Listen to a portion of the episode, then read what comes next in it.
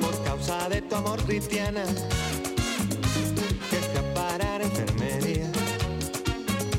Sin yo tener seguro de cama. Y me inyectaron suero de De momento non temos constancia de ningún caso en Galicia, pero sí hai casos en España, en outras partes de Europa. A paríola do mono, non hai coñecía ver, eh? isto. Do... Últimamente non gañamos para enfermidades novas. Bueno, non sei se son novas, pero polo menos nunca falaramos dela. Non. Eh, con esta incidencia, ademais, non? Sí. Varios casos en España, tamén en Portugal, tamén no Reino Unido mm. e bueno, investigándose outros posibles casos. A ver se Héctor Castiñeira nos bota unha man, eh, claro, o seu caché subiu despois de como arrasou o día 17 vendendo libros e eh, dando pregón da Feira do Libro de Lugo. Héctor, enfermeira saturada, bons días. Hola Kiko, hola Cris, bos días. Bos días. Pois pois eh, a verdade é que foi un placer, foi un placer e un honor dar aí o, o pregón e máis na, na miña cidade, pois eu, eu feliz eh, dos lucenses sobre todo que tiveron o valor de achegarse ata ali a, a escoitar o pregón. E eh, bueno, non, non foi tan mal, non foi tan mal. Eu estou contento, doume por satisfeito. Ninguén che preguntou pola variola do mono nada, da, daquelas no... Ainda non se falaba. Fíxate ti, eh. Sí, pero isto é un día para outro, eh, estas sí. cousas. Home, saiu Fernando Simón sí, sí. onte tranquilizándonos que xa fomos rapidamente comprar o papel higiénico e eh, mirar como se facía o biscoito.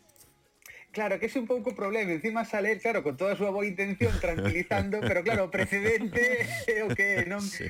E claro, cando saiu tranquilizando do outro, final fois un pouco sí. das mans. Entón, claro, neste caso pouco, da variola do mono, pois estamos todos aí un pouquiño a ver que vai pasar, pero claro, co, co, co, co papel higiénico detrás da orella, por si acaso. Por si acaso. Oi, contanos que está pasando. Que é isto da variola, a variola do mono? A ver, realmente isto no, non é algo novo, ou seja, así é algo que é moi raro, é unha enfermedade moi moi infrecuente, é algo que, que afortunadamente eran casos contados no mundo, é algo que en realidad o primeiro caso de contagio de, de humano, porque isto estamos falando dun virus que, que afecta eh, os, os monos. Como o no? seu nome caso. indica, claro. Claro, como se seu nome indica, o virus da variola, pero que afecta aos monos. Igual que eh, fai anos había a variola que afectaba aos humanos, pois hai a variola que afectaba aos monos. Que pasa? Que o primeiro caso no que ese virus salta aos humanos é en 1970. E dende entón aparece algún que outro caso por aí, cunha, afortunadamente, cunha letalidade moi baixiña, polo menos aquí en, en Europa os poucos cos casos que chegaban, pois realmente mm, de media entre o 1 e 10%, aproximadamente o 5% eh, de, de letalidade. Entón, claro, é axogo que, que ven de África, a orixe deste, desta variola, deste tipo de variola, está en África Occidental e África Central, e por eso, bueno, de vez en cando, eso saltaba algún caso aquí, que era o típico caso que, que se che, aparecía pola porta de urxencias, contábalo a todo o mundo porque realmente non, non Muy é habitual. Non, claro, claro sí. é a típica cousa moi excepcional. Que pasa? Que agora, de repente, estamos vendo vendo eh, diferentes brotes en diferentes países, vemos no, eso, no Reino Unido varios casos, en Portugal tamén, en España tamén, entón estamos un pouquiño aí alerta a ver que vai pasar, a ver se isto vai ir Pero a máis. Pero isto é contagioso vai... do mono ao ser humano e tamén entre seres humanos. Efectivamente, eh, contáxase en primeiro lugar eh, ese primeiro salto é eh, do mono. Bueno, tamén é unha infección que está eh, entre as ratas, os ratos e, e os esquíos, non? Pero como digo, ali é endémica de, de África Occidental e África Central. E que pasa? Que salta ese, ese caso os humanos e logo os humanos entre eles tamén nos, nos podemos contaxar, claro. Como notamos? O cales son así as eh, principais características da variola? Claro, a ver se vai a ir alguén xa hoxe pola mañá pide, pedindo aceite no centro de saúde, a ver se isto que teño vai ser pois a, a variola do mono. Do espello, veste con moito pelo, con cara rara, eu teño variola do mono seguro pero non ten nada dame que ver. Por colgarme da, dame por colgarme dar das polas dos eh, árboles exacto. a ver se vai. claro, a ver, realmente estes os síntomas son moi moi moi evidentes. Eh, sí que é certo que por unha parte son similares os da os da variola de sempre, de que faianos, que tiñamos aí faianos, pero algo máis leves, ou seja, realmente basicamente febre, febre aproximadamente de 38, 38 e medio, dor de cabeza, dor muscular, mm, como cando temos así febre, no, ata aí pode ser mal. COVID, eh? Mm Claro, ata aí sí, ata aí sí. Pero todos estes síntomas que non son síntomas aillados, teñen que ir todos en conxunto. Uh -huh. Este síntoma da febre vai acompañado dun síntoma moi moi característico que son esas erupcións na pel. É dicir, como esos empezan sendo como unhas manchiñas na pel que logo se converten en, en bochas. E temos esas boches aí cheos de líquido, como as típicas imaxes da variola que todos temos na, na Por mente. Por todo o corpo, pois, Héctor. Si, Empeza na cara, as primeiras que saen son na cara Aí xa como para ir pola rúa e decir sí. Ese ten a variola do mono, sí, non? Sí. Xa para, para que nos vayan sinalando Entón, en primeiro aparecen na cara E logo despois esténdense as maus, os pés a, Tamén a zona xenital E pode entenderse tamén polo resto do corpo Pero se temos eso Esa febre de 38, 38 e medio Dor de cabeza, dor muscular E esas erupcións na pel mm, vamos ter precaución porque porque podería ser eh, a, a variola do mono, pero como digo, teñen que ser todos os síntomas. E logo tamén a infección a inflamación dos ganglios. Os ganglios que temos pois de, nas axilas, nas ingles, inflámanse, é algo que, que cando falamos de, de variola normal non pasa, non? Pero neste mm. caso, na variola do mono, si tamén se inflaman os, os ganglios. Se temos to, todo o conxunto, pois é moi probable que sexa. A vacina da variola normal non vale para esta, Antón. Claro, é unha moi boa pregunta porque hai moita xente que di, bueno, eu estou vacinado contra a variola, eh, mm. eh, estou protegido ou non. Bueno, en certo modo sí. A ver, que pasa? Que hai moita xente, moi pouca xente vacinada contra a variola. Por que? Porque a variola normal, a que todos eh, coñecíamos a toda agora, foi erradicada no ano 80. En 1980 a OMS ah. declarou unha erradicada. Entón non estamos vacinados contra a variola pois todo os menores de 40 non. Hmm. Os as persoas ah. menores de 40 non estamos non estamos vacinados porque retirouse esa vacina bueno, no do dos calendarios no. vacinais. Eh. Eu estou aí aí, pero pero librei de vinte ser dos, dos primeiros que quedou sen vacinar.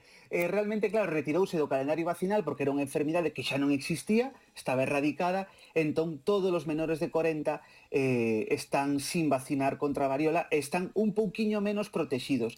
Hai algúns estudos que din que a, que a vacina da variola normal protexe incluso ata nun 85% bueno. frente a esta variola do mono. Entón, realmente, quenes estean vacinados da variola, estas esas persoas maiores de 40 que están vacinadas, teñen bastante, parece que teñen bastante protección fronte a fronte a variola do mono. Mm. E mm, podemos contagiarnos a través de vía sexual, porque vin que mm, determinados grupos ou, ou, mm o contactos sexuais poderían aumentar as posibilidades de contagio. Iso é certo? A ver, sí que é certo, non é unha enfermidade de transmisión sexual, vale. pero sí que é certo que eh, esta um, unha das formas pola que nos podemos contagiar é mantendo relacións sexuais. Por un claro, contacto moi estreito. Claro, entre corpo por que? Corpo, pois porque claro a saliva, a saliva, por exemplo, é un vehículo de contagio. Entón, claro, incluso se nos bicamos apaixoadamente sen hmm. chegar a, a unha relación sexual como tal, pero se nos bicamos apaixoadamente, pois tamén eh, podemos estarnos contaxando. Ese contagio, pois sobre todo é eh, a través desas feridiñas na pel, recordas que decíamos que saían como hmm. unhas bochas, eh, unhas, unha serie de graus por, polo corpo que empezan pola cara, esas, esas lesións dentro teñen un líquido. Entón, claro, se rompe porque é moi fácil que rompan esas esas bochas, ese líquido que teñen dentro vai nos contaxar. Entón, se tocamos esas lesións na pel e eh, temos unha feridiña ou que sexa, pois tamén nos podemos contagiar así. Entón, claro, en un, nunha relación sexual, pois ao final hai ese, ese froti-froti, como decides. Pois, claro. Reventan as bochas, eh, claro. Claro, reventan as bochas, e, eh, podemos, entramos en contacto non só co, non só coa saliva, senón tamén con esas lesións da pel. E logo tamén eh, se con, pode contagiar polas feces. Por exemplo, se algo está contaminado con feces, ou de, logo de ir ao baño, pois non nos lavamos ben as maus, temos as mans eh, pois eso, eh, contaminada se tocamos algo ou tocamos alguén, pois tamén podería haber por aí ese, ese contaxio. Vemos un pouquiño que esas son as vías, eh, como digo, incluso as persoas vacinadas contra a variola e que teñen, parece que teñen certa protección, teñen que ter cuidado igual, ou seja, habería que aumentar eses hábitos higiénicos eh, e ter cuidado porque, bueno, pois podemos, podemos acabar, aínda que parece pouco probable de momento, pero bueno, poderíamos eh, acabar contagiados. Pero é unha enfermedade grave, pode agravarse, pode complicarse ou incluso se tes algún tipo tipo de enfermidade previa podría ser moi perigosa? A ver, realmente aquí o, o perigo ven, sobre todo especialmente en persoas inmunodeprimidas. Como Ajá. falábamos igual do coronavirus, persoas que non teñen defensas, persoas que están pasando por enfermidades graves, esas persoas sí eh, serían de moito máis risco. Polo xeral, unha persoa eh, sana infectada da variola do mono eh, aproximadamente nunhas 3, 4 semanas recupérase e sen máis que ese síntomas que tivo, pois que estivo coa febre, estivo encontrouse mal, eh, como digo, a letalidade moi moi baixiña do 5%, entón eh, a mairande parte das persoas eh, non van ter ningún problema. Ese 5% pois especialmente afecta a, as persoas inmunodeprimidas. O todos os casos, casi todos os casos que estamos vendo son de persoas novas, eh, son de persoas novas por iso, non? Porque non teñen esa vacina e pensamos que, que en parte por iso porque parece que está dando esa protección a, a vacina da variola. Así que cuidado especialmente pois xente nova inmunodeprimida que, que sí que podería ter eh, máis problema con esta variola. Vale, e tratamento, cal sería o tratamento para as persoas que xa foron diagnosticadas? Pois é que non temos, Va, esa Deus. é a historia, non, claro, non hai tratamento, non temos Anís del Mono descartado específico. tamén. sí. No, falando onte. non temos un tratamento específico que digas, pois se, se ti chegas como por exemplo cando chegas que eh, tens unha infección de garganta ou tes o que sexa, non? Damos che esta pastilla e xa está.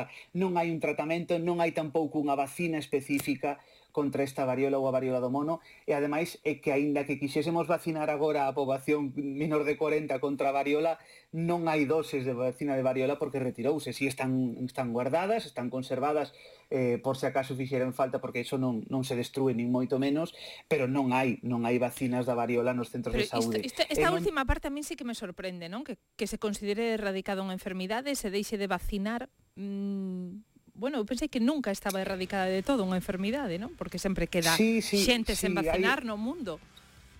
Sí, hai enfermidades, por exemplo, pois que de feito incluso a polio estivo aí a piques de ser erradicada, pero non se conseguiu, e aínda hai pequenos brotes en sitios en países puntuais, Afganistán, algúns países de África, a veces en Siria, e por eso non se chega a erradicar de todo e por eso se segue vacinando non a, mm. pero por exemplo pois pues eso na, no caso da polio no, no caso da variola considerouse totalmente erradicada esa vacina suprimiuse do, do calendario vacinal. Esperemos que non haxa que, que voltar a ela e sobre todo, pois eso, teñamos precaución, aumentemos esos hábitos higiénicos eh, ante, men ante o menor síntoma destes que comentamos, acudir ao médico sobre todo para cortar a cadea de transmisión e non seguir contagiando a outras persoas. Moi ben, porque o motivo polo que agora estamos eh, tan atentos a isto pasou algo en especial para que haxa este ritmo de contagios. Pois non se sabe moi ben, non se sabe moi ben cal é pois, esta explosión de sí. contagios en varios países de Europa, non se sabe moi ben a que obedece. Eh, supoño pois que o, o caer a restriccións moitas veces pola COVID, Viaxes pois a xente África. empeza a viaxar, empeza a moverse, e, empeza a relacionarse máis. E estás preguntando directamente eh, claro, por Otavio. Otavio que vai vir aquí nuns minutos e eh, estivo en África sí. Occidental hai pouco, Central Occidental. Non pensábamos darnos o lote con el hoxe, así que